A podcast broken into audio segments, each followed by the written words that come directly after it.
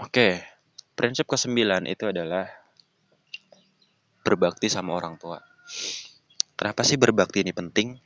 Karena kita nggak akan hidup, nggak akan hadir di dunia tanpa kehadiran orang tua. Maupun ayah, apalagi ibu.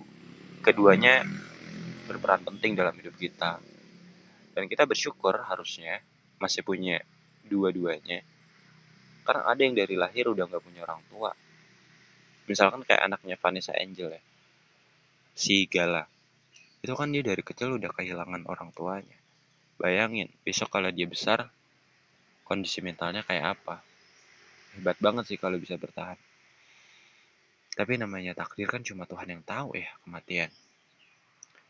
Dan orang tua kita pasti mati suatu saat. Entah kita duluan yang meninggal atau mereka duluan. Tapi kalau takdirnya mereka duluan, kita mau bisa kita bisa apa gitu loh. Makanya mumpung mereka masih hidup, udah nikmatin aja waktu bersama mereka. Oh, begini, oh begitu.